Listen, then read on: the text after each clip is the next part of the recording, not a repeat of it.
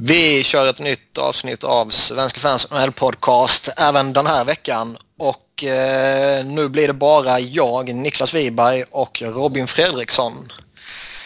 Eh, Sebastian Norén som brukar vara med oss eh, blev tyvärr inte tillgänglig denna veckan. Eh, han var ute och gick med sina hundar när frugan åkte hemifrån så han är helt enkelt utelåst. Och det är ju lite pinsamt. Mm. Det blir bara Batman och Robin idag. ja, fan vad stort jag är Batman ändå. Ja, nej, det är jag som är Batman. ja, eller hur. Uh, ja, vi testade ju att ha med honom på, heter det 3G i Phoenix också? Vet Eller säger man bara så hemma i Sverige? Jag vet inte. Men vi testade på motsvarigheten till 3G, eller han kan vara 4G, jag vet inte. Men det, det var jävligt ostabilt. Så vi sa åt honom att nej, du får inte vara med. Bägge hundarna kring sig också då samtidigt. Det är inte så Ja, Mer kaos än vanligt. optimalt. Nej. Mm, nej. Så det, ja nej, vi kör på. Kanske blir bättre utan Sebbe, vem vet? Mm. Han brukar ju fucka upp. Mhm. Eh, vi gör väl helt enkelt så att vi går på lite eh, nya kontrakt, lite trades och lite rykten och sådär direkt. Och eh, vi har ju en eh, stor trade där Eric Brewer gick till Anaheim för en, eh, ett draftval i tredje rundan 2015. Och eh, Tampa Bay behåller dessutom 26 procent av lönen. Vad tror du Brewer kan eh, hitta på i Anaheim? Eh, inte speciellt mycket. Jag tycker att han är rätt, eh, rätt slut. Men eh, med tanke på skadorna de hade fått på backsidan eh, så kan jag väl köpa att det var en trade de behövde göra. Eh, jag tror Tampa är jäkligt nöjda dock att dumpa Brewer och få ett draftval tillbaka. Ett så pass högt draftval också, en tredje runda. Det är ju inte, det är inte fy skam. De saknar ju Ben Lovejoy, Clayton Stoner och Bo Chimin. Jo. Vad skulle du hellre ha, Eric Brewer eller Allen som de tradade iväg förra veckan? Hmm, nja, åh, det var lite hugget som stucket kanske. Jag skulle nog ändå föredra Brewer. Jag tycker Allen har, eh, han var jävligt skön en gång i tiden men eh, det känns som han har tacklat av lite mer än vad Brewer har gjort. När man kollar på eh, Brian Allens Capgeek-sida så förbluffas man ju av hur mycket pengar han har tjänat. Alltså för att vara en så förhållandevis medioker back hela karriären så har han ändå dragit in 27 miljoner dollar. Det är liksom en enorm summa för en, för en back som kom in i NHL eh, på allvar ja, för nästan 10 år sedan bara. Ja, absolut. Jag, jag tycker däremot han var, för några år sedan så tycker jag han var en jävligt duktig defensiv back. Innan defensiva backar skulle bli backar som är bra med pucken. Ja, typ. När man fortfarande kunde spela på det sättet. Ehm, Så det är, sen är det klart det är lite, lite, lite galna siffror, men ehm, han har väl en jävligt bra agent. Mm. Som Reto Berra kanske. Mm, Eller hur? Eh, Brewer är ju där, pen, däremot pending UFA, så det, det är ju inget man binder upp sig på direkt. Nej. Om man inte har Brad Stewarts agent kanske. Ja, han kanske får nytt kontrakt snart. Ja. Han är trots allt bara 35 bast. ja. Det är ungt och bra. Eh, vi har ju några kontrakt också. Marco Scandella, Minnesota, signade femårskontrakt med en capita på 4 miljoner. Eh, spontana tankar kring det? Eh, min spontana tanke var väl att typ, oj, han värd så mycket? Så bra hade jag inte koll på att han var, eller hade inte märkt att han ska vara. Men eh, backar kommer alltid få mer betalt än vad kanske man tycker att de ska ha sett kvaliteten för att det finns inte så många bra backar i NHL.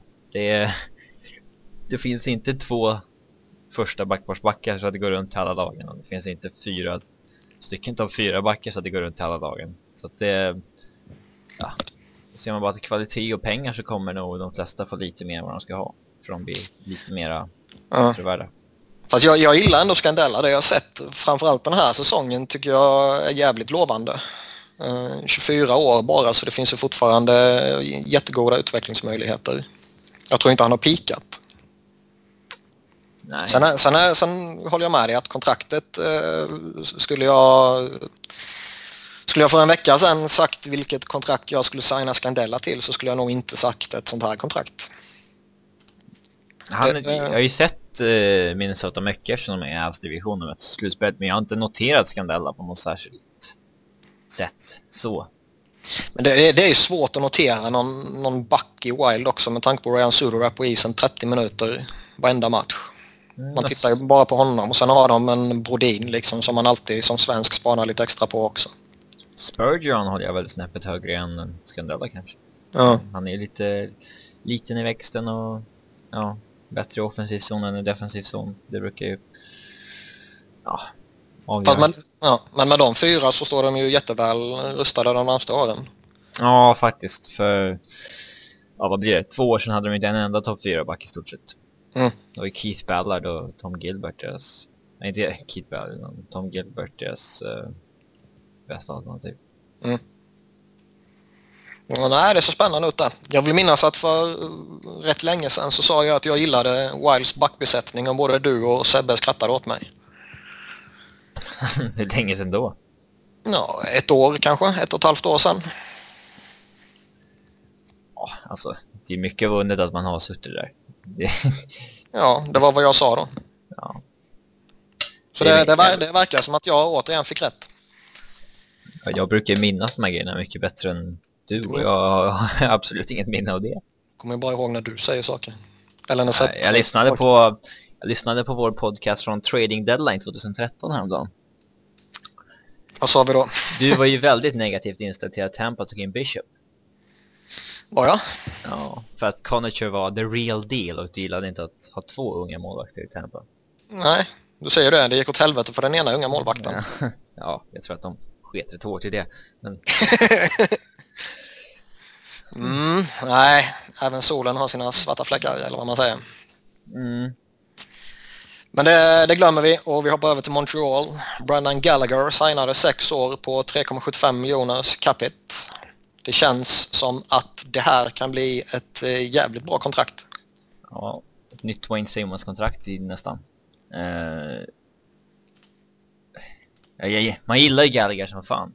Ehm, han har ju inte visat potential att bli liksom den här... Uh, eller potential har han visat, men han har ju inte visat prov på att han är den här liksom 25-30 målskytten på, kon, eh, på vad säger man, kontinuerlig basis, men eh, Han, har- rikt- han har inte spelat på kontinuerlig basis heller. Han har gjort en halv säsong och förra säsongen var han ändå uppe på 19 mål på 81 matcher. Det är ju... Det är ju bra. Det är den här intressanta avvägningen man ska göra ifall man ska ge någon ett bridge, en, bridge-kontrakt eller om man ska signa long term direkt och här tror jag att de tjänade på att signa long term direkt. Eh, Mm.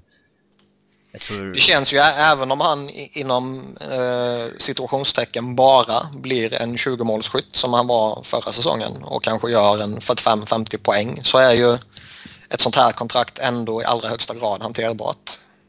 Ja, han, han kommer ju bli vad, eh, vad Callahan var för Rangers. Och han hade ju rykte om sig att vara en betydligt, eh, eh, vad säger man, värdig att få bra pröjsspelare liksom. Trots att hans produktion inte var särskilt hög. Ja, nej. Nej, men jag, jag tycker att det är ett jättebra kontrakt och agenten har ju lite, eh, ja, lite clever business också i och med att året 2021 är ju potentiellt nästa lockout och då får ju uh, Gallagher i stort sett bara betalt i signing bonus. Eh, Mm. vilket man får även om det är lockout. Och eh, ja, resten av pengarna betalas ju ut de vanliga åren på kontrakten i stort sett. Så att Mm. eh, han är garanterad den här lönen som vissa andra kanske inte är det året. Ja, så är det och det är klart det är säkert en viktig del men jag tror ju en, en spelare som skriver ett eh, kontrakt på över 20 miljoner kommer ju nog inte ha problem att klara sig en säsong utan hockey. Och har han problem med det så är han ju retarderad och kan inte hantera pengar. Nej. Då får han skylla sig själv. Nej. Eller så har han stygga föräldrar. Det vet jag inte hur fallet är med Gallagher faktiskt. Jag har inte koll på hans föräldrar. Skamligt nog. Sen har vi en jävligt komisk signing. Eh, Scott Gomez är tillbaka i New Jersey på ett eh, kontrakt säsongen ut med en eh, capita på 550 000. Ja, han var bra. Eh, Han var bra för tio år sedan.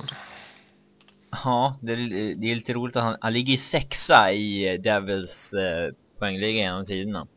Han har 22 poäng upp till Bobby Holick och han har 26 poäng upp till Scott Niedermayer. Han kan ju kanske ta sig förbi de två.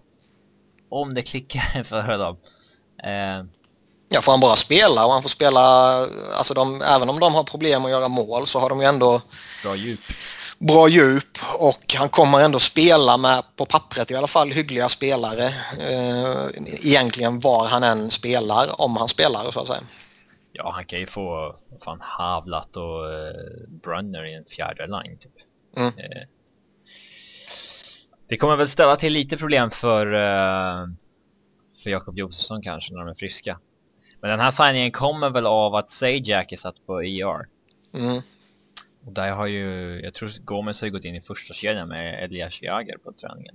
Mm, ja, det är 2005 all over again. Ja, då hade jag kanske hellre slängt upp Jakob Josefsson. Eh, Det känns ju som att det är mer, eh, man kan vinna mer på ett sånt beslut. Ja, det hade jag nog övervägt. De saknar ju både Henrique och Sajak nu. Det, det, Mm, centeruppsättning, nu har de slängt in Mike Camilleri där och den centeruppsättningen utan de två är ju mindre sexig. Nej.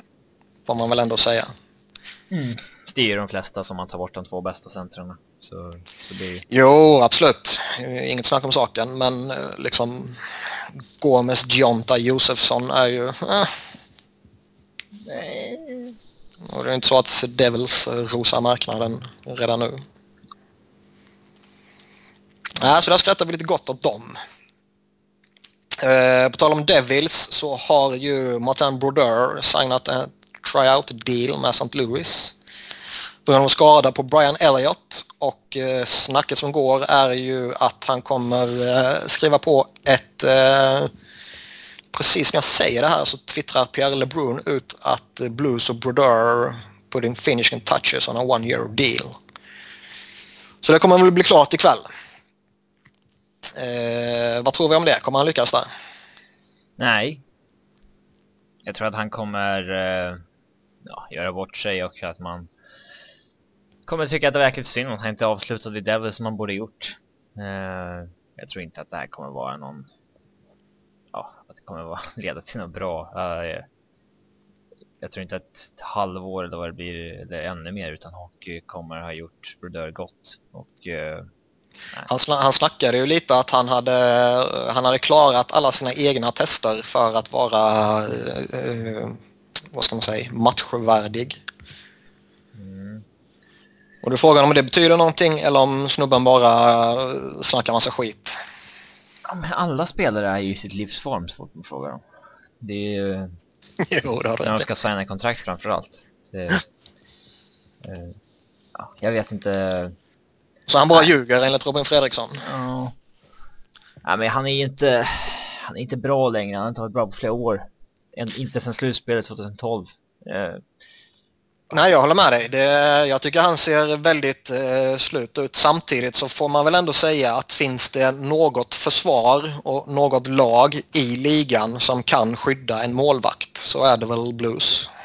men ge Jake Allen det förtroendet istället då.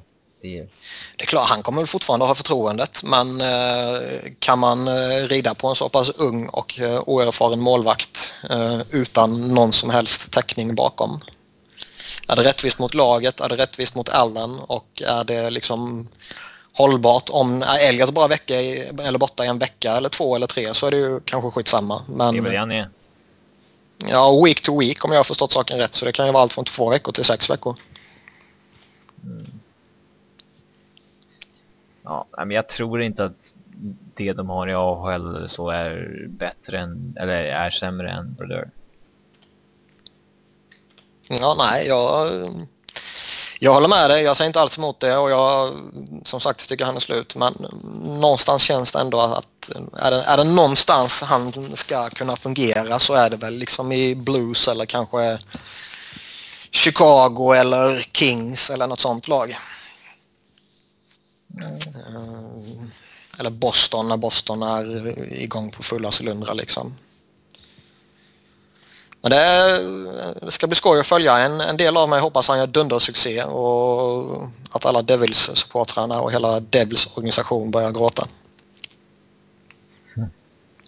Det vore vackert.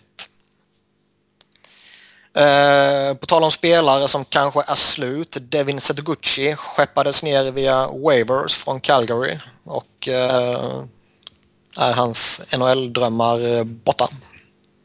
Nej, jag vet inte. Inte så länge... Nej, jag, jag tror inte att han har gjort sina sista NHL-matcher, det tror jag inte. Men... Eh, det är alltid... Eh, liksom, intressant att se sådana här förfall.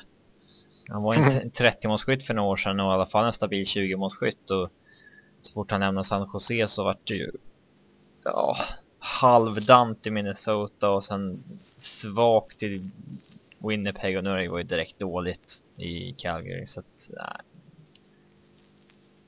oklart vad som har hänt med honom egentligen. Det är klart att hans eh, siffror var ju boostade av att han spelade med liksom Thornton och sådär i ja. Sharks men utöver det liksom. Det är fortsatt liksom en nedåtgående spiral. Det var ändå en, då var det ändå en rätt stor trade man gjorde. Han skeppade honom mot Brent Burns. Ja, satte Gucci första den sa va? Mm, jag kommer inte ihåg. Jag för mig att det var samtidigt som han skippade någon mer va?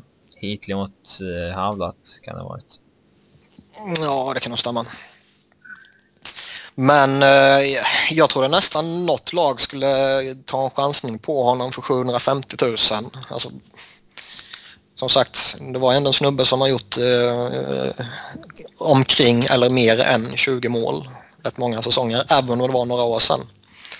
Eh, släng, släng in honom jämte en eh, en Jevgenij Malkin till exempel i Pittsburgh så kanske eh, målen skulle trilla in igen. De behöver ju wingers.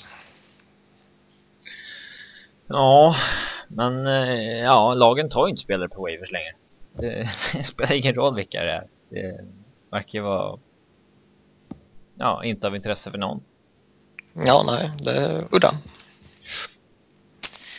Eh, två lite snabba rykten vi har. Boston sägs gå efter Heaviness. Ja. Föga förvånande. Eh, är det rätt? Och liksom, finns det någon specifik spelare som kan tänkas intressera tror du?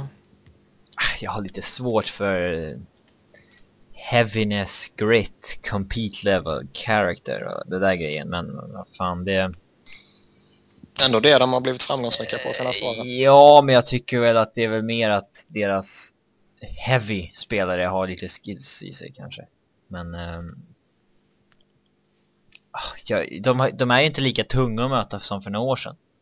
Så är det ju. Nej, verkligen. Men... Eh, oh, är det en power forward för topp 6 vi snackar om då? Eller, de skulle ju kunna gå efter Chris Stewart. Han har ju det i sig, men han ja, får ju tjata på honom varje dag om man faktiskt ska spela så också. Mm. De är ju inte... David Pasternak och Louis Eriksson och Riley Smith, Simon Gagne och de här. Det är inte liksom ja, de gamla Bruins wingerserna liksom. Det är ju väldigt mjuka killar. Så du säger att det är identitetskris i Boston? Nej, inte så länge råttorna Marchand och Lucic är där, men uh, ja. Skrev du ner rubriken nu eller vad gjorde du? Nej, jag skrev en annan grej bara. Det här är en identitetskris i eh, Boston. Det är liksom för, eh, för lite för litet segment för att motivera en rubrik. Men de skulle väl kunna gå efter någon tyngre spelare för att liksom ja, få tillbaka någon form av liksom tuffhet i en fjärde eller tredje line men jag skulle väl inte gå efter någon eh, eh, ja, topp 6 power forward direkt. Mm. Det tycker jag, då ska de spela en jämte Lucic eller en jämte Marchand? Det behövs liksom inte. Vad, eh, vi har ju ett uh, rykte som har fått dig att gå på högvarv. Ja, ett väldigt uh, litet rykte dock. Men... Ja, men jag nämner det ändå eftersom du är så tokhet på det. Chicago kanske intresserad av Ryan O'Reilly och Colin Smith i Colorado. Uh, varför är man det och vad skulle Avs och Robin Fredriksson vilja ha i utbyte? Ja, de är, skulle väl kunna vara intresserade för att det ehm, för det skulle fylla hålet som andra center som de har alltid har haft. Eh, och i och med att eh, att Taves och Kanes stora kontrakt kickar in nästa år och sådär så kanske man måste bygga från mitten istället. Liksom det är kanske mer värt att ha en andra center av O'Reillys klass än att ha en winger av Sharps klass. Mm. Eh, att man ja, bygger lite från grunden istället för att eh, ja, ta ta in all spets man kan få tag på. Eh, och eh, jag ser, ser väl det fortfarande som ganska konstigt, eh, alltså orealistiskt att de skulle eh, ta in en kille som eh, ja, är klart svår att förhandla med och är pending i USA och eh, ja, jag vet liksom hur skulle de lösa det? Hur skulle de lösa det utan att skeppa eh, skeppa något annat liksom? Det, Ja, jag, svårt att tro det, men... Eh, Vad skulle du vilja ha? Eh, Marcus Kryger och Niklas Hjalmarsson. jo, Kryger förstår jag. Vad tror du Avs vill ha? Är det samma? Yeah, jag vet Vad kan jag fråga om Bickel och, och Dojev och någonting, jag vet inte, men... De behöver ju en vänsterback. Eller en, de behöver tre. Men eh, kan jag börja med en? Och det är ju... För Jan Heid är okej, okay, men han är gammal och utgående kontrakt och Nick Holden och Brad Stewart är värdelösa, men där skulle ju Hjalmarsson fylla en, en stor jävla funktion bredvid antingen Barry eller Eric Johnson. Och sen behöver de ju en bottom six center som eh, kan ta tuffa minuter och det har de ju inte idag. Mm. De tror att de har det i klisch, men han kan ju inte göra det. Eh, där hade de tjänat enormt på att få in en center som kan Ska, ska du Shane McKinnon vara dina topp 6 center så kommer du behöva en, eh, en jävligt stark tredje eller fjärde center som kan ta de andra minuterna. Mm, nej, jag håller med. Jag hade varit jävligt nöjd med en sån trade. Eh, Hjalmarsson och Kryger mot O'Reilly och Colin Smith. Du får ringa Patrick. Ja. Och när vi blir klara där så är det klart att eh, Brodeur har signat ett års kontrakt med Blues men eh, några pengar är inte officiella ännu. Vi får se om vi kan återkomma till det under podden så småningom. Eh, men vi går vidare mot lite avstängningar i alla fall. Där Dallas Ryan Garbert fick eh, två matcher för eh, knätackling på Taylor Hall, Edmonton. Mm. Eh, har du sett den? Ja. Vad tycker du? Vacker. Mycket vacker. ja. Garbett och Rosell är ju två as liksom, det är ju två as man jättegärna skulle ha i sitt eget lag. Eh, perfekta bottom six forwards. Eh, men jag tycker att han, eh, det är en situation där han liksom väldigt aktivt väljer att... Jag vet, han ser att han kommer missa bodychecken. Och väljer att han inte kliva bort, han väljer att ha kvar benet istället och ta det han kan och det blir knät på håll. Eh, och det... Ja, får han ju mycket berättigat två matcher för. Sen kan man ju debattera om det ska vara två eller tre matcher. Ja, han blir avstängd för i alla fall. Ja, nej, man, ja, man kan ju konstatera att det är en supertydlig knätackling i alla fall. Mm. Sen har vi ju Adam Lowry, Winnipeg, får en match för boarding på Patrick Calera i Buffalo. Mm. Uh, jag, det är rätt rejäl smäll faktiskt. Han smäller honom riktigt saftigt. Ja, vackert också. Jag, jag är ju tillfredsställd med den tacklingen med tanke på vem det är som åker på den. Det verkligen skriker karma över den ju. Uh, de flesta vet väl att jag föraktar Kaleta. Men jag trodde nog nästan att det kanske skulle ge någon match till faktiskt. Ja, det är, det är en rätt saftig smäll. jäkligt sen också. Han hade ju spelat bort pucken ganska länge sedan. Mm. Eh, imponerande nog börjar han blöda rätt rejält trots att han har heltäckande visir på sig.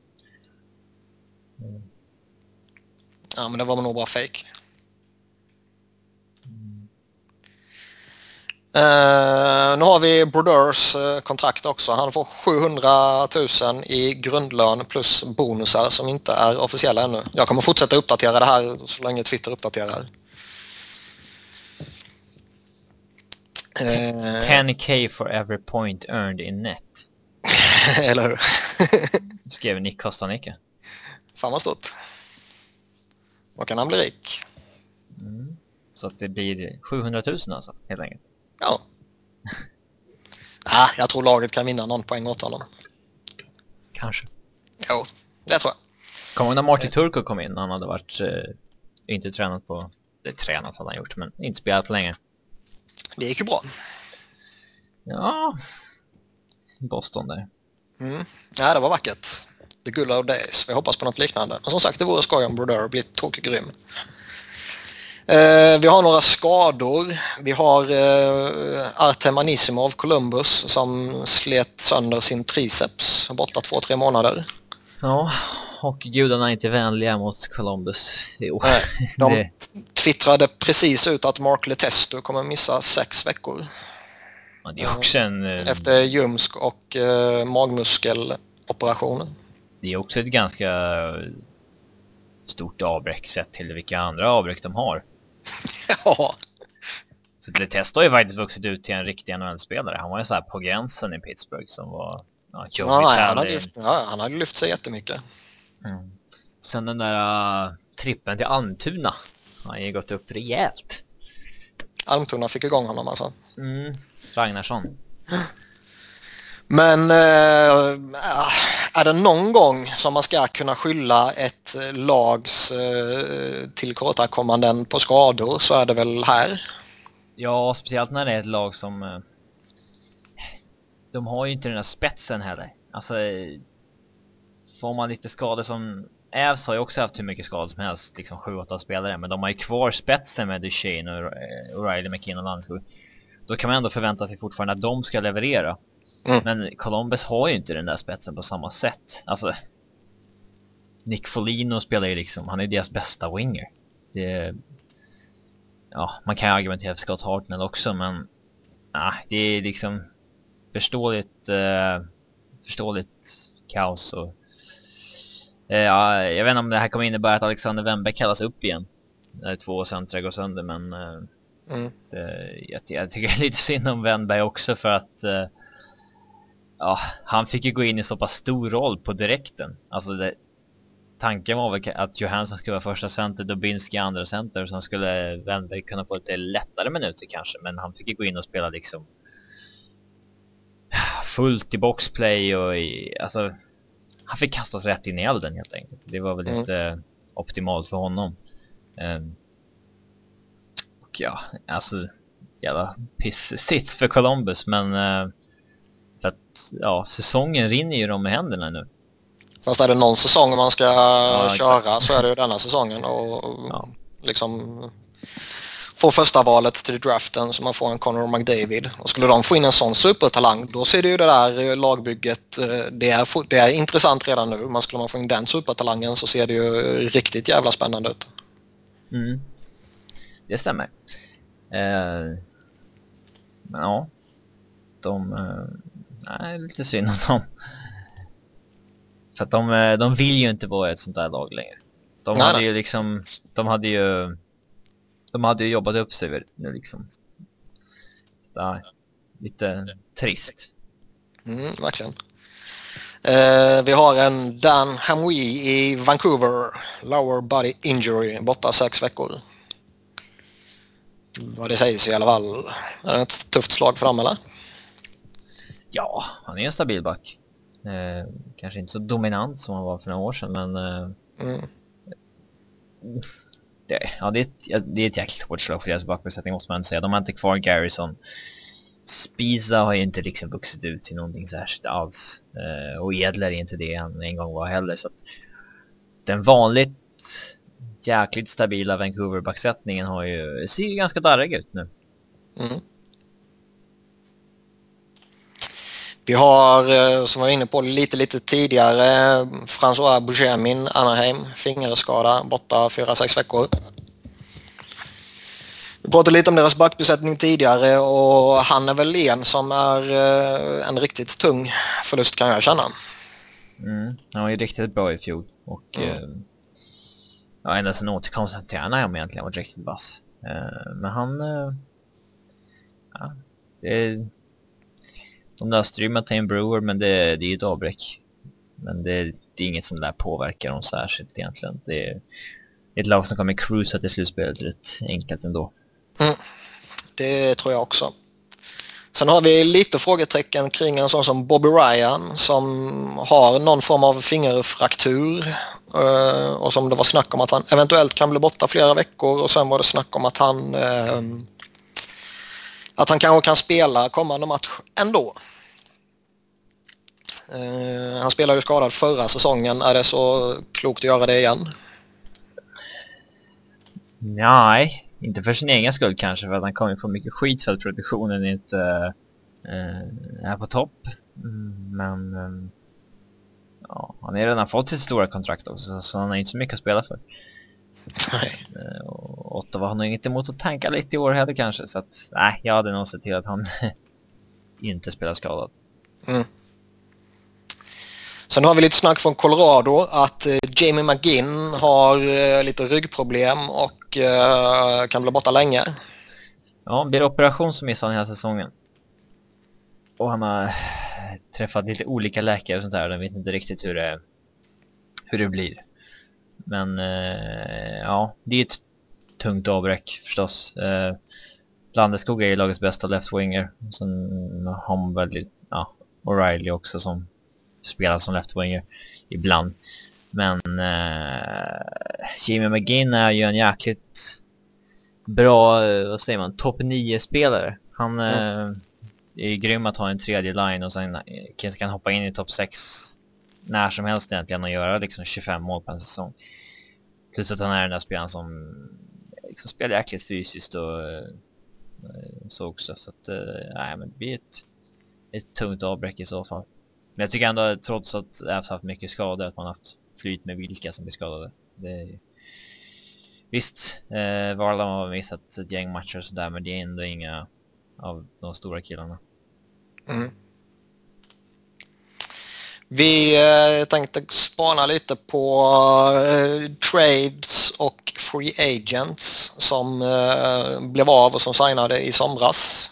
Um, och se lite vem som vem det går bra för och vilka som kanske vann traden och så vidare.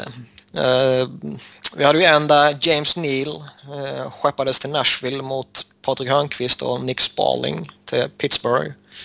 Ehm, det känns väl ändå som att den traden har eh, gynnat båda lagen. Eh, ja, eh, Nashville har ju fått den här en Starwinger som de har saknat. Nu har ju Neil varit kall bra länge. Han har inte gjort någon poäng på sex matcher tror jag.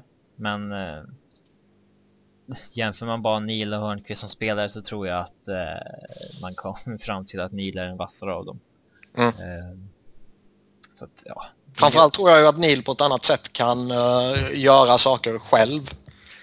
Ja, han har ju skottet. Det har inte Hörnqvist. Mm. Uh, det spelar ingen roll vilka områden Hörnqvist jobbar sig till hela tiden ifall inte pucken hamnar där. Mm. Eh, ja, men ja, och sen har han, de har bildat en grym första kedja i Nashville också med Neil Ribeiro och Forsberg som trummar på. Så att det, ja, det rullar på bra. Spalen kunde man ju definitivt av, avvara. Det gjorde ju ingenting. Liksom. Mm. Hörnqvist har kommit igång rätt bra där också i Pittsburgh. Och ser ju ut att funka var han än spelar egentligen. Mm. Snacket bland liksom Pens folk är ju liksom att ja, de vill ha Hörnqvist med Crosby, men liksom ja, man sätter ner Hörnqvist för att få igång Malkin. Liksom. Mm. Eh, ja, han har ju liksom kommit in bättre i Pittsburgh än vad man ja, ens kunde drömma om liksom. Jag trodde inte att han skulle göra alltså point per game bara för att han spelar med eh, crossspel Malkin liksom. Så hur mycket, så, mycket kan man ju inte höja en spelare. Eh, men eh, han ser absolut ut att kunna göra det i år. Definitivt. Vi har en annan svensk, Carl Gunnarsson, gick till Blues tillsammans med en fourth rounder och eh, Roman Polak gick till Toronto. Ehm, Toronto behöll väl en del av Gunnarssons lön har jag för mig också. Mm, det är lite, eh, ja, tidigt att bedöma kanske. Polak har ju gått in och varit bättre i eh, eh, Leafs än vad, än vad jag trodde i alla fall. Eh, men Carl Gunnarsson har ju varit skadad och har ju precis kommit tillbaka i stort sett. Så att han har ju inte eh, precis kommit igång på allvar kan man säga. Ehm, eh, han... Jag vet inte riktigt hur bra det har gått för honom men... Eh, han har gjort 17 matcher. Ja. Ja, det är rätt mycket, men... Eh, ja. Det har varit en trade som gått väl ut för bägge kan man väl säga. Det handlade ju om att Toronto ville ha en högerback och Leafs ville ha en vän eller Blues ville ha en vänsterback. Och det har funkat. Mm. Vi såg ju eh, en trade som involverade eller kanske man kan kalla det två trades egentligen, men vi säger en trade som involverade tre lag. Där Teddy Purcell hamnade i Edmonton, Sam Gagner och BJ Crombin hamnade i Arizona och draftval i sjätte rundan hamnade i Tampa Bay. Uh, Tampa vann. ja, jag tänkte säga det. det känns nästan så va? De behöll väl, behöll de inte lite lön hos Gagner också va? 1,6 på Gagner behöll de. Uh, uh. Det, det är väl, ja, och det, det, är väl lite halvdant sådär. Uh, och nu tog de på sig lite för Brewer också.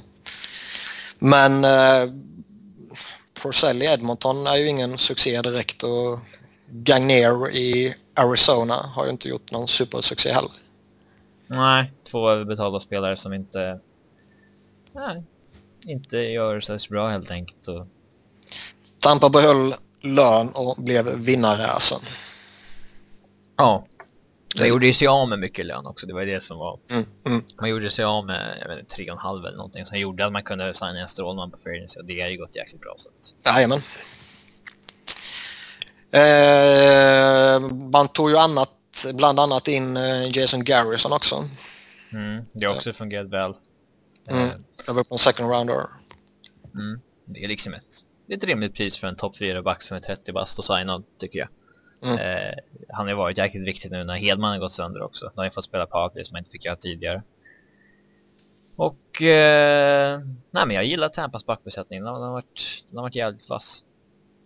Och eh, Garrison har varit bra. Man kollar ju ofta på eh, Tampa för att det är ett jäkligt spännande up and coming lag att kolla vad up and coming. De är jävligt bra redan.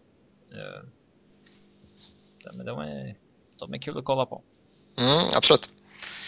Uh, vi har en trade som du har tjatat om uh, i princip varenda avsnitt. Danny Breer till Avs mot PA Parenter till Montreal då.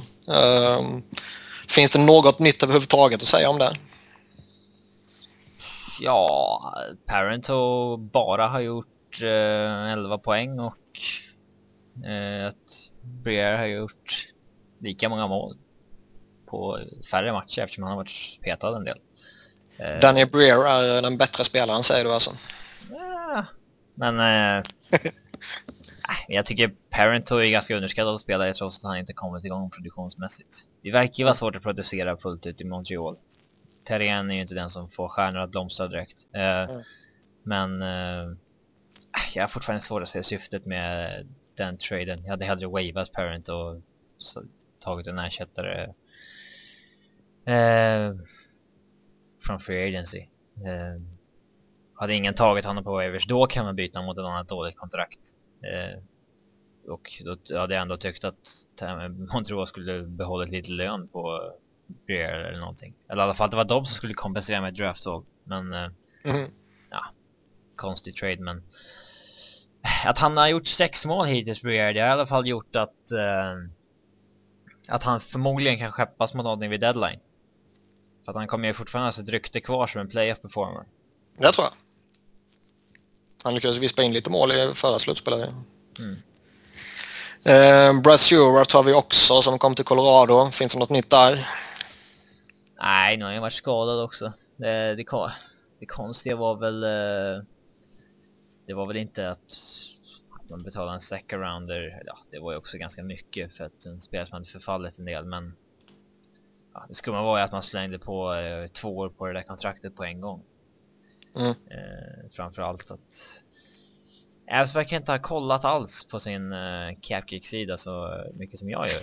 Eh, de slänger liksom på ett... Det där tredje året på Brad Stewarts kontrakt. 3,6 säsongen 16-17. Just då har ju Ävs utgående kontrakt på Barry, Eric Johnson, McKinnon och O'Reilly.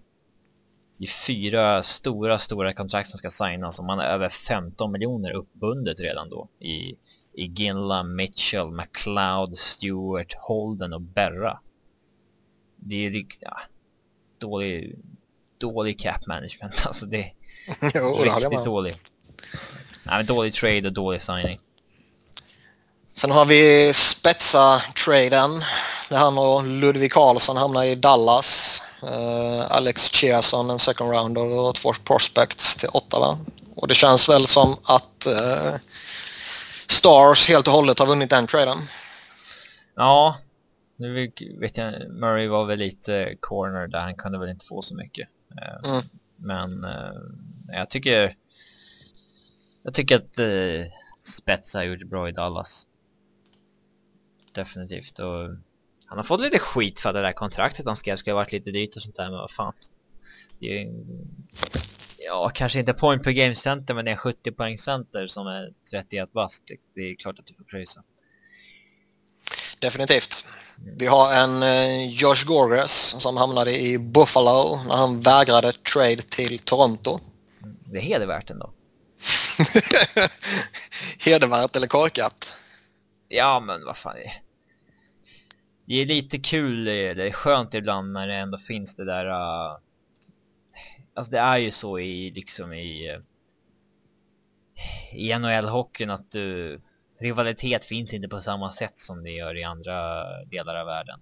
Uh, att det är ändå skönt att se en spelare från Montreal som inte, inte vill gå till Toronto helt enkelt. Jag tycker det är trist att han fick så mycket skit från det från Montreal-fansen men...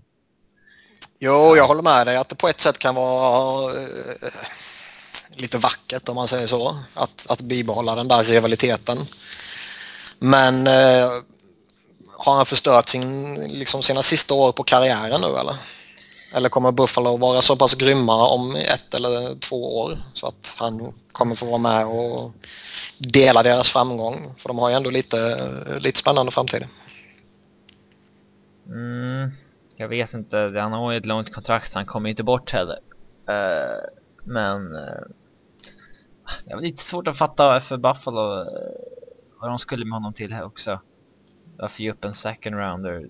Skillnaden Montreal bara ville dumpa honom att liksom, ja vi kan ta över den lönen liksom. Mm. Eh, men en second rounder, de hade visserligen dragit på, tagit till sig många, många draftval men det är inget jag hade betalat för honom.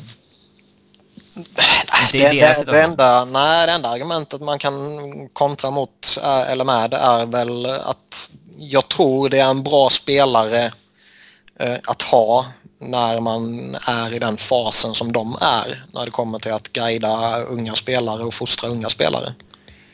Där tror jag han och en Brian Jonta till exempel är eh, rätt eh, ultimata. Mm.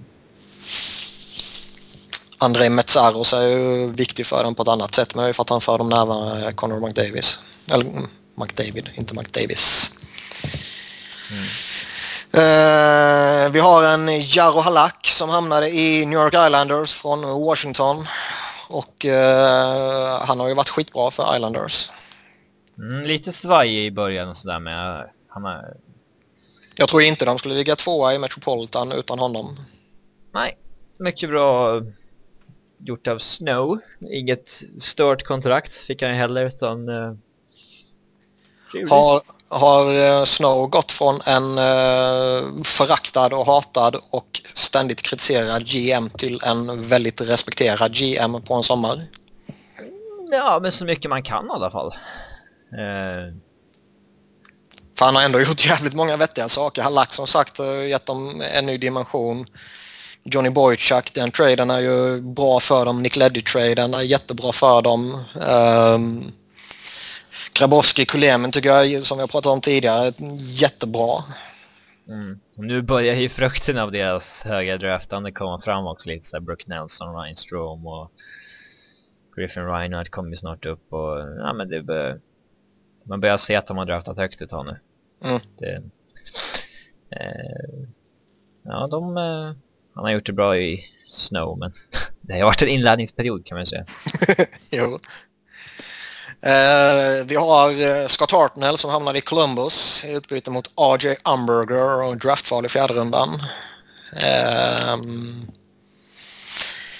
jag kan väl tycka att Umberger, om man räknar in hur mycket han tjänar och hur stort kontrakt han har, är ligans sämsta spelare. Ja, vi sna- Du trodde väl inte att han ska vara så här dålig dock? Ändå. Nej, jag var rätt så övertygad om... Alltså, visst, man fick ju den sämre spelaren. Uh, sen trodde jag ju att okej, okay, han skulle nog kunna, kunna chippa in med för kanske 15 mål ändå. Och han skulle ju vara bättre en... skridskoåkare än Hartnell. Det var det som var uh, stora grejen. Ja, men det sa ju båda organisationerna att de hade fått den bästa skridskoåkaren. Så det är väl, det är väl dött lopp kan jag tycka. Men, men liksom, jag trodde väl att han skulle kunna chippa in med en 15 mål från en tredje kedja och spela lite ansvarsfull defensiv och döda utvisningar hyggligt framgångsrikt. Men han har varit så mycket skräp som det bara går att vara. Det, alltså, han har inte ett rätt för fan. Mm. Det, han har liksom hoppat upp och ner i lite olika kedjor och spelat med olika spelare och ingenting fungerar. Och, eh, det enda, jag ser ju fortfarande långsiktiga fördelar eh, med traden. Hartnell har varit bra för Columbus och han kommer säkert hjälpa den, den organisationen och det lagbygget jättemycket. Han är duktig på att ta hand om unga spelare och så vidare. Men eh, jag tror ju inte att han eh, håller jättehög nivå så värst lång tid till. Och det känns ändå som att han hade gjort sitt i, i Flyers. Och han skulle ju definitivt inte gjort det här laget bättre. Nej, men man undrar ju lite vad... eh, Vilka andra dåliga kontrakt kunde de byta Hartnell emot? Vad hade Ja. de för andra alternativ liksom? Ja, om det fanns några andra alternativ. Ja, Så den en, enda fördelen med Umber är att han är billig att köpa ut till sommaren. Ja, men det kommer ju ändå sätta en avtryck i deras cap. Ja, men jag betalar, jag, jag betalar ju hellre en och en halv miljon eh, för att inte spela Umber än jag betalar vad är det, 4,6 tror jag han har för att spela honom. Mm. Så det är bara, kan man inte trada honom och, utan att ta tillbaka total skräp igen så köp ut honom och slipp se honom mer liksom. Mm. Ja, han har ju lite att städa upp det Hextall. Alltså det, Mm, det är lite skit. ja, det, det blir ju lite så om man är en GM som Holmgren var, att man liksom konstant ändå försöker eh, signa upp eh, spelare och förbättra laget och så här att, eh, att ja, man tar sig an lite dåliga kontrakt helt enkelt. Mm. Så, mm. Och det kommer ta, ta, ta ett par år att rensa upp. Eh, jag tror ju Hamburger och Cavalier försvinner väl kanske i sommar men mm, McDonalds kontrakt kommer ju hänga kvar länge och Fast det, det, det kontraktet, visst han har inte visat att han är värd det kontraktet överhuvudtaget och, och så vidare och allt vad det innebär. Men eh, de närmsta åren kommer ju förhoppningsvis Flyers ha 2, 3, 4 entry level kontrakt eller eh, förhoppningsvis relativt billiga andra kontrakt när eh, Moran och Sunheim och Hägg och Gosesbehör kommer upp och så vidare. Så då har man ju ändå råd att ha det där kontraktet för han får fortfarande mer skit än vad som kanske är befogat om man tittar på spelaren. Det är mer kontraktet som ställer till det. om eh, fem år när kontraktet fortfarande existerar. Vad sa du? Om fem år så existerar kontraktet fortfarande. Det Ja. Men då, eh, vem vet hur stor del av capen det tar upp då? Oroa sig om fem år, det känner jag liksom att ja, det pallar jag inte göra nu. Jag har fullt upp med att oroa mig över denna säsongen och nästa säsong. Nej men alltså kan man bli av med det där kontraktet innan det blir ett problem så skulle jag ju försöka göra det. Kan, kan man bli av med det så absolut, då givetvis. Eh, men jag ser det inte som total katastrof om man inte lyckas med det. Eh, vi har ju en sista trade. Ryan Kessler gick till Anaheim mot bland annat Nick Bonino, Lukas Spisa och eh, draftval i första rundan. Det väl lite win-win va? Lite så. Uh, Anaheim går ju på jävligt bra och uh, som vi har pratat om flera gånger så är det ju, nu har man två grymma centrar vilket man kommer behöva i Western Conference och uh, Vancouver, ja deras inledning kan man ju inte direkt klaga på heller. Bonino har varit mycket bättre än jag trodde. han har ju nästan fått ett lyft sen han gick till Vancouver. Jag trodde han skulle tvärtom, gå ner sig lite. Mm. Att han mera, mera var en produkt av ja, Anaheims lagbygge än att, uh, att han individuellt var så bra. Mm, nej, jag håller med. Sen, eh, sen man, man ska väl inte måla upp förhoppningarna allt för mycket på Vancouver redan för uh, 24 matcher är trots allt relativt liten sample size och ibland får man den här effekten med ny coach och allt vad det innebär. Men mycket positivt där i alla fall. Mm. Vi har några free agents som signade. Vi har Christian Ehrhoff, Pittsburgh. Uh, inte riktigt så bra som jag trodde. Nej, jag håller med dig. Samtidigt kan jag inte säga att han var dålig. Nej, men han har inte fått så... Han har inte fått förtroende i powerplay på det sättet jag trodde han skulle få. Uh, jag trodde han skulle... De har spelat Letang i första PP tror jag. Och när han har uh, han brukar ha lite sviktande PB-form Letang. Eh, då har de gått in med Mäta där istället. Mm. Så att han har inte riktigt fått det här äh, förtroendet i powerplay som jag trodde att han skulle få. Äh. Men ändå en gedigen tvåvägsback tycker jag. Absolut, för fyra miljoner så är han ett stil jämfört med många jävla backar i ligan, kan jag lugnt säga. uh, jag, skulle, jag skulle fortfarande vara beredd att signa honom på ja, fem mil över fem år eller någonting kommande sommar om jag vävs. Um, för att uh, det är ändå så pass mycket kvalitet i den killen. Mm. Um, men jag trodde att han skulle få ett större, större roll i Pittsburgh och producera mycket powerplay och sådär. Som, uh, jag tror det var hans egen plan också för att kunna få ett stort kontrakt igen nästa sommar. Ja, och framförallt så kunna vinna. Ja, men framförallt få ett stort kontrakt igen nästa sommar. Uh, vi hittar Mark Fane och Benoit Poirot i Edmonton. Och uh, har de lyft Oilers? Nej. Varför inte? För att det är en back som är typ ja, borderline en uh, fjärde back kanske, men mer troligt en femte back. Uh, Benoit Pouliot är väl en bra bottom six winger. Men de har ju signat så galna kontrakt så att det är liksom i så desperation Oilers försöker bli bättre så signar man två liksom på gränsen till depth-spelare på kontrakt som tillsammans eh, tar upp nästan 8 miljoner i 4-5 år framöver. Det är liksom... Nej. Dumt gjort. Det är en, eh, jag tycker det är en passande summering över eh, de flesta sakerna som Edmonton gör. Mm det kommer nog inte ske någonting vettigt där om de inte byter ut. Jag är nog mer inne på att de borde byta ut sitt front office completely än att de borde röra om i kärnan i laget. Kanske. Ja. Visst, alltså man kan ju by All... man kan ju byta runt i laget också, men jag skulle hålla mig lite från att trada Neberley kanske. Mm, ja, absolut. Eh, Paul Stastny signade för St. Louis och eh, han har haft lite skadeproblem och eh, allt vad det innebär. Eh, och har väl inte, vi pratade väl om honom lite halvt sådär har jag för mig förra veckan kanske. Men, eh, eller förra, förra kanske det var, men... Eh, Även om man väger in skadeproblemen så tycker jag inte att det har varit okej. Okay. Nej, sju poäng på 16 matcher är ju lite sådär ju. Det är klart man hade räknat med mer. Um, Sen är frågan axeln, hur mycket påverkar det honom? Har han fortfarande problem och så vidare? Det, det kan ju ändå vara lite förmildrande omständigheter. Men så här Ja. såg ju statsen ut ja, alla år mellan, fan blir det, 07 och det sista året egentligen. Mm. Eh, i Avs och att han är liksom on pace för 30-40 poäng en ganska lång tid på säsongen. Så har han någon streak där han är 20 poäng på 20 matcher så kan han upp på respektabla 60 poäng till slut i alla fall. Eh, men... Eh, nej, alltså det är ingen 7 miljoner center, det är det ju inte.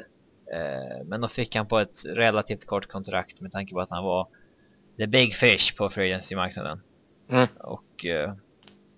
Nej, men jag skulle ändå vara besviken när jag var blues, blues-fan. Ja, besviken skulle vi också vara men jag skulle nog inte vara orolig. Jag betalar ju hellre 7 miljoner på fyra år för honom än typ 5,5 miljoner på sju år. ja, vilket var någonting sånt jag tror jag hade erbjudit.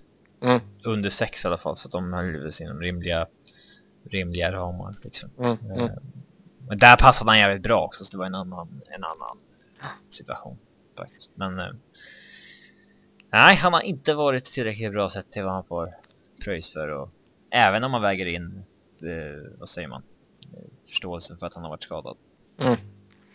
Mike Camilleri signade för Devils och eh, jag är imponerad av honom. Mm. Och det är väl få man kan säga det om i Devils denna säsongen kan jag tycka. Lite smågalet kontrakt sådär, men han kommer ju... Han ser ut att göra en stabil målskörd i år. Ja, 10 baljor redan, det är ändå fina siffror. Absolut. Och han har ändå varit borta lite, några matcher på grund av skada. Mm. Nej, han har gjort det bra. Det, det är väl nog ett kontrakt man kommer kunna leva med. Mm. Jussi Jokinen, Florida. Åh, det var väl ingen som trodde på succé direkt. Alltså det var ju ett tydligt exempel på en kille som gjorde det bra i bra omgivning i Pittsburgh och sen så fick han sitt bra kontrakt av ett dåligt lag och skulle återgå till en, bli en dålig spelare igen. Och det, det är väl typ det som har hänt. Han, ja. 12 poäng på 21 matcher är väl okej, men det är liksom... Ja, det är lite andra assister och sånt där som är väckt upp det där. Två mål på 21 matcher, det är ju inte... Nej, jag har svårt att se att han ska bli någonting eh, vettigt i Florida. Eh, det är inte heller en spelare som du liksom kanske... Utan att såga honom för mycket så det är väl inte den här killen du tar in för att vara en eh, veteran bredvid Gugstad, Hubert och Barkov och de här. Han känns väl som en klassisk spelare man tar in för att komplettera två andra duktiga. Ja. Lite som Pittsburgh gjorde. Ja, för att han har ändå Mm. någonting som är på den nivån han tänker som sådana spelare liksom, eller vad man ska Ja, säga. ja. Men eh, Men sätta in honom som ledande spelare, vilket Ja. det ändå känns att han behöver vara i Florida, det, det tror jag väl inte på. nej. Det är dåligt. Dan Boyle signade ju för eh, Rangers som eh, inte lyckades förlänga med Strålman istället. Uh, nerköp skulle väl jag säga samtidigt som Boyle fyller en funktion för dem i powerplay. Ja, han fyller en funktion, men ja. Nedköp för Rangers, men eh, Boyle kan man väl inte klaga på enormt. Tycker jag. Han har väl gjort det okej. eh, faktiskt. Han har bara spelat åtta matcher. så. Mm, skadad så. Man vet vad man får av honom i princip kan jag tycka. Eh, däremot är det ju ingen man vinner kuppen med. Ja, det... Ja, är han det ledande back så är det ingen du vinner cup. Nej, nej det, är det, det är det jag menar. Ja. Det är klart att man kan vinna med honom i en backbesättning, men jag menar som den ledande spelaren. Vilket han var en gång i tiden. Mm. Vi har två jävligt roliga kontrakt i Washington. Matt Niskanen, Brooks Orpik. Mm, det har gått eh, bra hittills, men eh, alltså... Eh, ja, jag tycker både Orpik har väl sett ut ung- ungefär som i sista året i Pittsburgh. Lite svajig då och då, men eh, ganska stabil fortfarande. Eh, Niskanen är ju liksom stabil och bra, men det är ju liksom om... Jag tycker han är en besvikelse om man tittar på poängskörd och, och så vidare. Han var ju bortplockad från powerplay under en period och Ja, men de där... 10, 10 poäng på 23 matcher eh, tycker jag är för lite ändå. I en, eh, man vet ju ändå att poängskörden kommer vara rätt god under säsongsinledningen. För att sen eh, svalna av ju, ju längre in på säsongen man kommer om man generaliserar om alla spelare. Men trodde man att han skulle producera på den nivån han gjorde i, i Pittsburgh? Man får betalt för att göra det. Ja, men... Ja, det är inget jag förväntar mig av honom. Han, han har ju visserligen ja, fem poäng senaste fyra matcherna. Så han har ju kommit igång lite mot slutet. Men... Eh, nej, men det är ingen back jag förväntar mig ska göra liksom 50 poäng. Det har han inte i sig riktigt. Nej, nej det, det håller jag med om helt och hållet. Men, men som sagt, han har ett kontrakt som säger att han ska göra det. Jag tror... Jag, och det är som alla har sagt med lite vett i skallen att båda de här kontrakten är ju idioti. Ja, de fyller en funktion nu och är rätt stabila och bra men eh, får se om två, tre, fyra, fem, sex år. Niskanen tror jag väl kommer hålla rätt, alltså en hygglig kvalitet rätt många år men han kommer inte vara värd det kontraktet. Bruce Orpik eh, tycker jag redan är mm, liksom på konstgjord andning. Ja. Han kommer inte också... hålla så länge. Han har fått är också lite på gränsen faktiskt. Liksom... Ja, jo, men han är ändå bara 27-28 år eller något sånt där. Brooks Orpik är 34 bast och har en söndersliten kropp och kan inte åka skridskor. Mm. Uh, han har väl fått den här lilla uppsvingen som man kan få när man hamnar i en organisation och liksom ett, en coach som uh, liksom bör passa honom väl.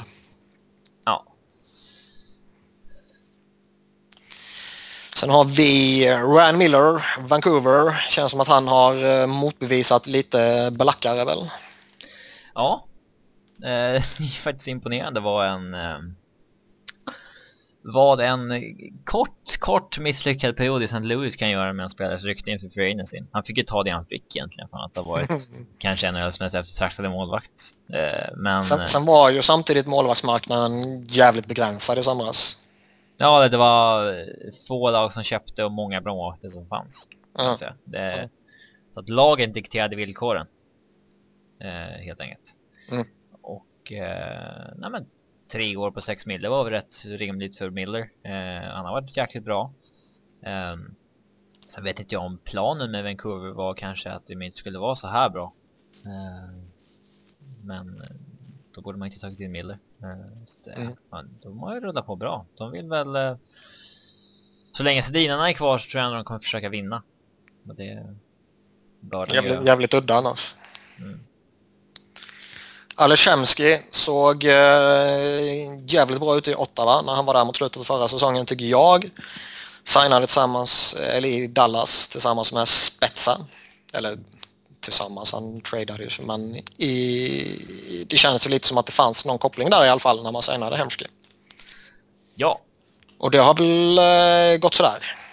Ja, han har inte kommit igång alls. Vi sa ju för några veckor sedan när vi snackade om det att han kommer komma igång. Eh, men han har inte gjort det än. Eh, och det är lite förvånande för storyn med Hemski har ju alltid varit att um, så länge han är frisk så producerar han. Han har ändå, han blev ju petad eh, någon match i mitten på månaden och sen dess har han ändå gjort lite poäng. Ja, han hade ju, vad kan det vara, 15 poänglösa matcher där ett tag. Mm, ja. Men eh, han har gjort, liksom, kommit igång lite smått på slutet.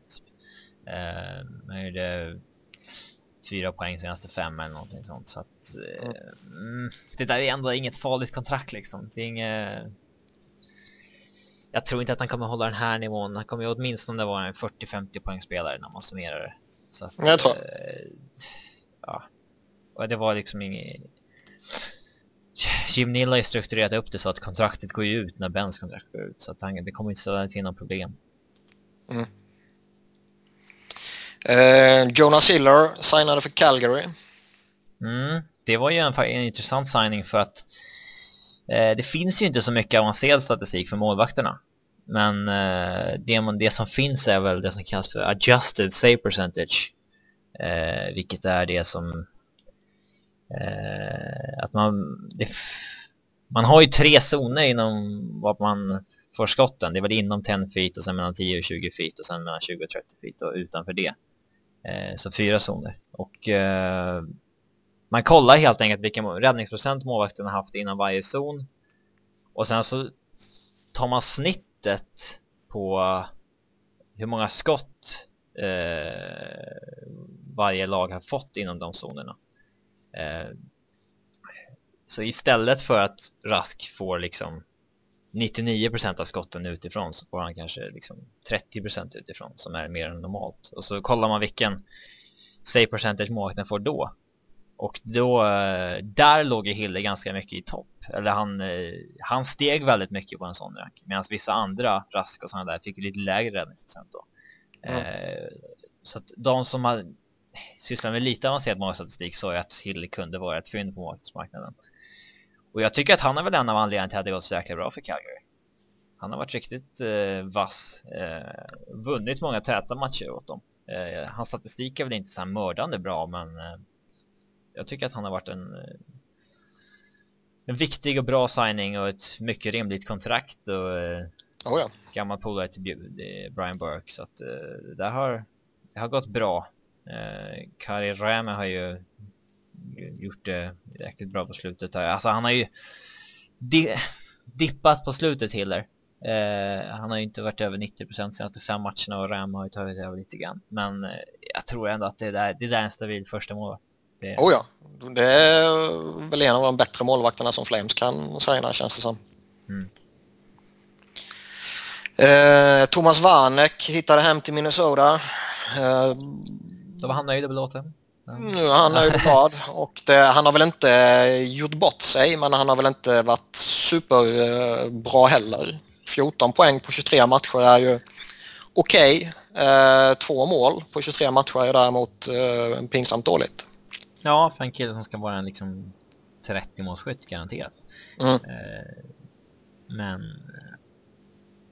Ja, han har ju liksom... Han, har ju lagt, han har inte varit bra sedan han var i Islanders. Eh, när Tavares bara honom lite grann. Det är lite märkligt för att i Buffalo kunde han ju stuntas vara en Hart Trophy-spelare. Ja. Han kunde ju verkligen... Eh, många sa ju liksom att fan vad ojämn han är, men det finns ju få spelare som verkligen kan ta sitt lag på ryggen under en månadsperiod eller något liknande som Vanek kan göra. Oh ja. Han var ju helt dominant vissa perioder. Såg man inte ett spår av i varken Montreal eller hittills i Minnesota. Vi, vi får se vad det här barkar, men det är lite eh, lite småoroande för eh, Minnesota kanske. Ja, det bör det ju vara. Sen samtidigt så ska man ju inte eh, skita ner sig en eh, knapp tredjedel in på säsongen. Mm. Men visst, det, hittills har det ju varit sådär. Eh, Stefan Robida signade för Toronto, treårskontrakt eh, efter två benbrott och eh, vad är han, 39 bast eller något sånt där? Eh, 37. 37 bara. mm. Han fyller ju 38 under säsongen men det har ju inte varit ett... Han är en okej okay back på för sista backbar eller någonting. Han har varit okej okay hittills kan jag tycka. Eh, men, jag, tycker han, jag tycker han uh, har varit rätt svag. Uh, däremot var väl det uh, å andra sidan rätt väntat med tanke på vilka förutsättningar han kom in med. Mm. Han har ju har en ganska stor roll också tror jag, när mm. vissa har gått sönder. Men uh, ja, man, jag ställde väl ändå förväntningar lite efter vad man trodde att han skulle vara. Och det är väl inte att... Efter två benbrott trodde jag ändå att han skulle tappa lite och det har han gjort. Men mm. det har varit okej. Okay. Men han lever, kommer inte leva upp till sitt kontrakt under något av de här tre åren. Nej, det tror inte jag heller. Nej, plus 35 kontrakt också, så det där är många.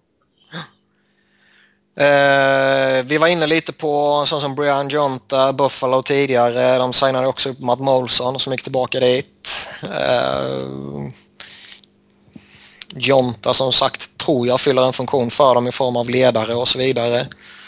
Matt Molson, eh, även om framtiden är rätt ljus för Buffalo så kan väl jag tycka att han bör vara rätt missnöjd med beslutet att gå dit. Ja, hade han liksom inget intresse av att vinna istället? Han hade ju liksom efter alla jävla sunkår i Islanders liksom inte... Ja. Han hade ju kunnat signa ett år i Pittsburgh eller någonting. Mm. Istället för att...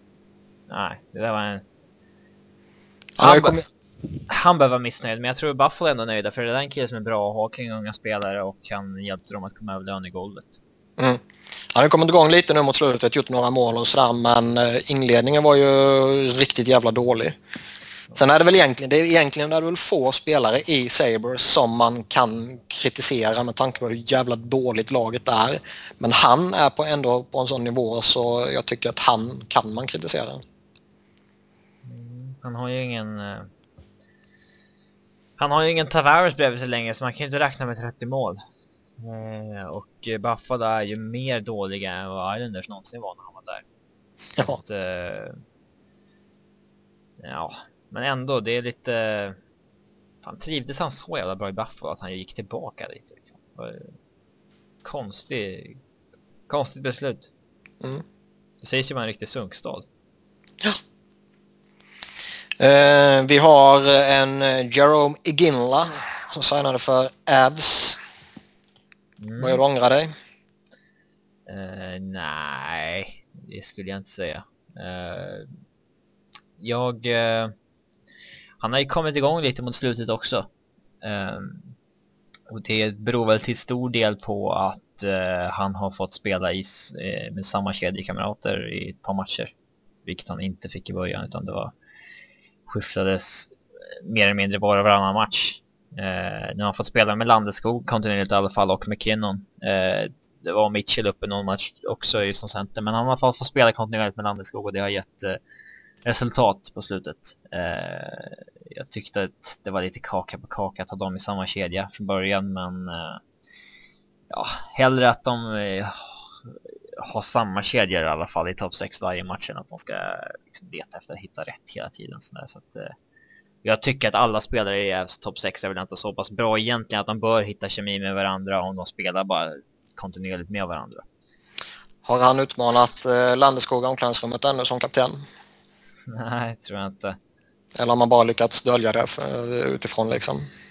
Nej, jag tror inte att han är så... eh, han vill nog bara spela hockey nu för tiden. Liksom. Han är nog inte intresserad av att vara the guy längre. Liksom. Eh, tror jag. Uh, jag hoppas du har fel. Det som är lite oroande är väl att hans liksom... Eh, han snittar under två skott per match. Liksom. Det, det är väl inget jättebra tecken. Liksom. Jag tycker fortfarande att det är en spelare som ska lägga sina tre, fyra skott på mål per match. Annars så tror jag att den här produktionen kommer bli, bli lidande.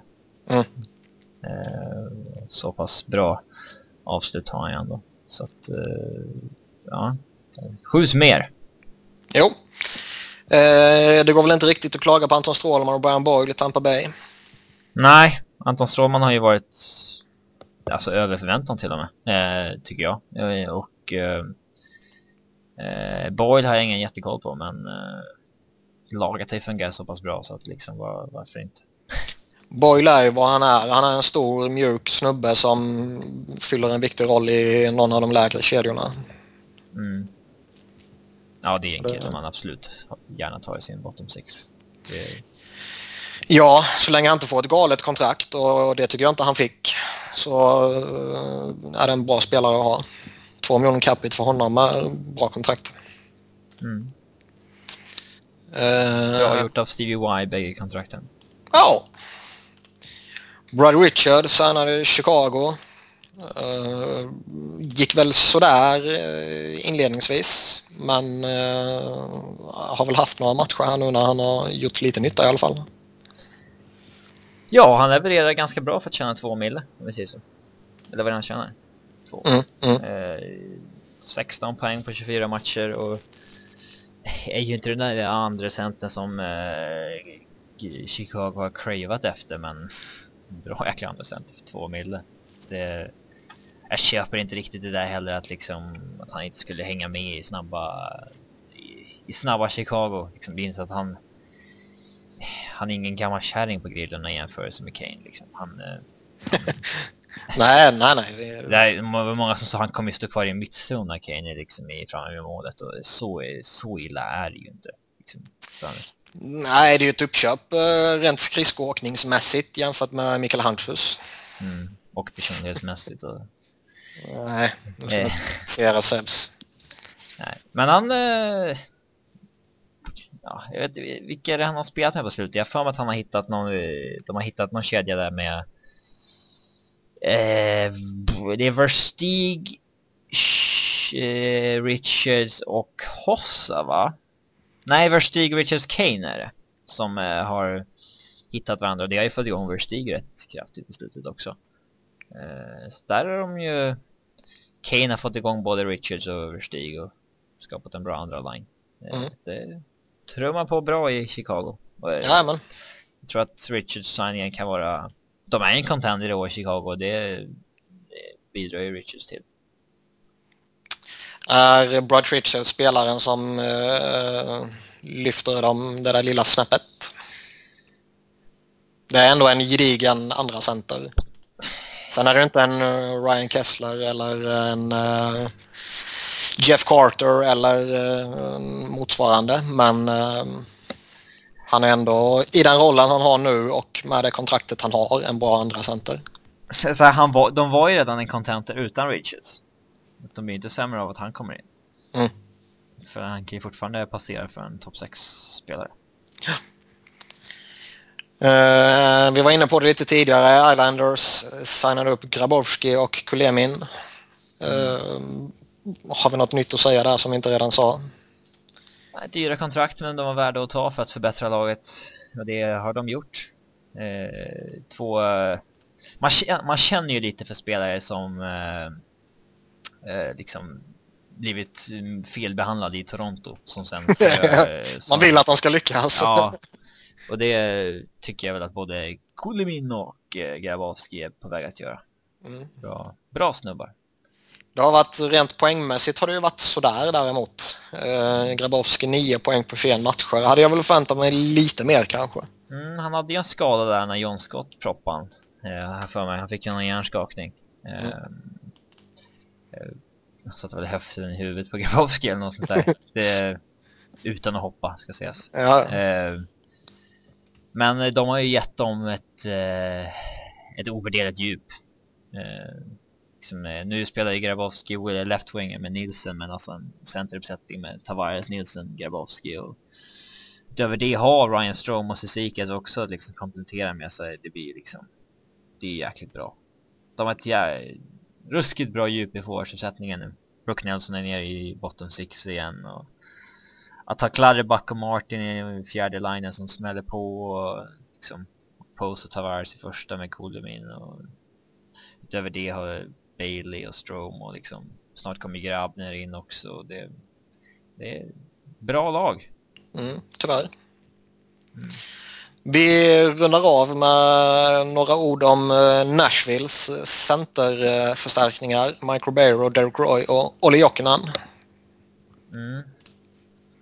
Det, de chansade hej vilt och... eh, En träff. En träff, ja. Jokinens hår gör värt det. Eller vad menar du? Nej men jag hade väl också trott att det var Re... gissat att det skulle vara Ribeiro som är lite av en träffare för att han gjorde ändå 47 poäng i Arizona i fjol. Det är inte så här att han tog slut alla Jokinen. Eh, utan... Men det var väl lite andra problem där. Eh, men liksom för en miljon är det en bra center. Det går inte att säga annat. Han hade ju varit samma sak ifall... Eh, ifall Chicago hade tagit in honom som andra center till exempel. Mm. Eh, tvekan. Derek Roy har ändå liknande kontrakt och eh, ändå gjort 10 poäng på 22 matcher. Mm. Jag tycker ändå att han, man ska kunna ställa lite högre krav på honom för att han har inte liksom... Nej, jag säger inte att han har varit eh, så bra som man kan förvänta sig, men 10 poäng på 22 matcher för en miljon är ändå...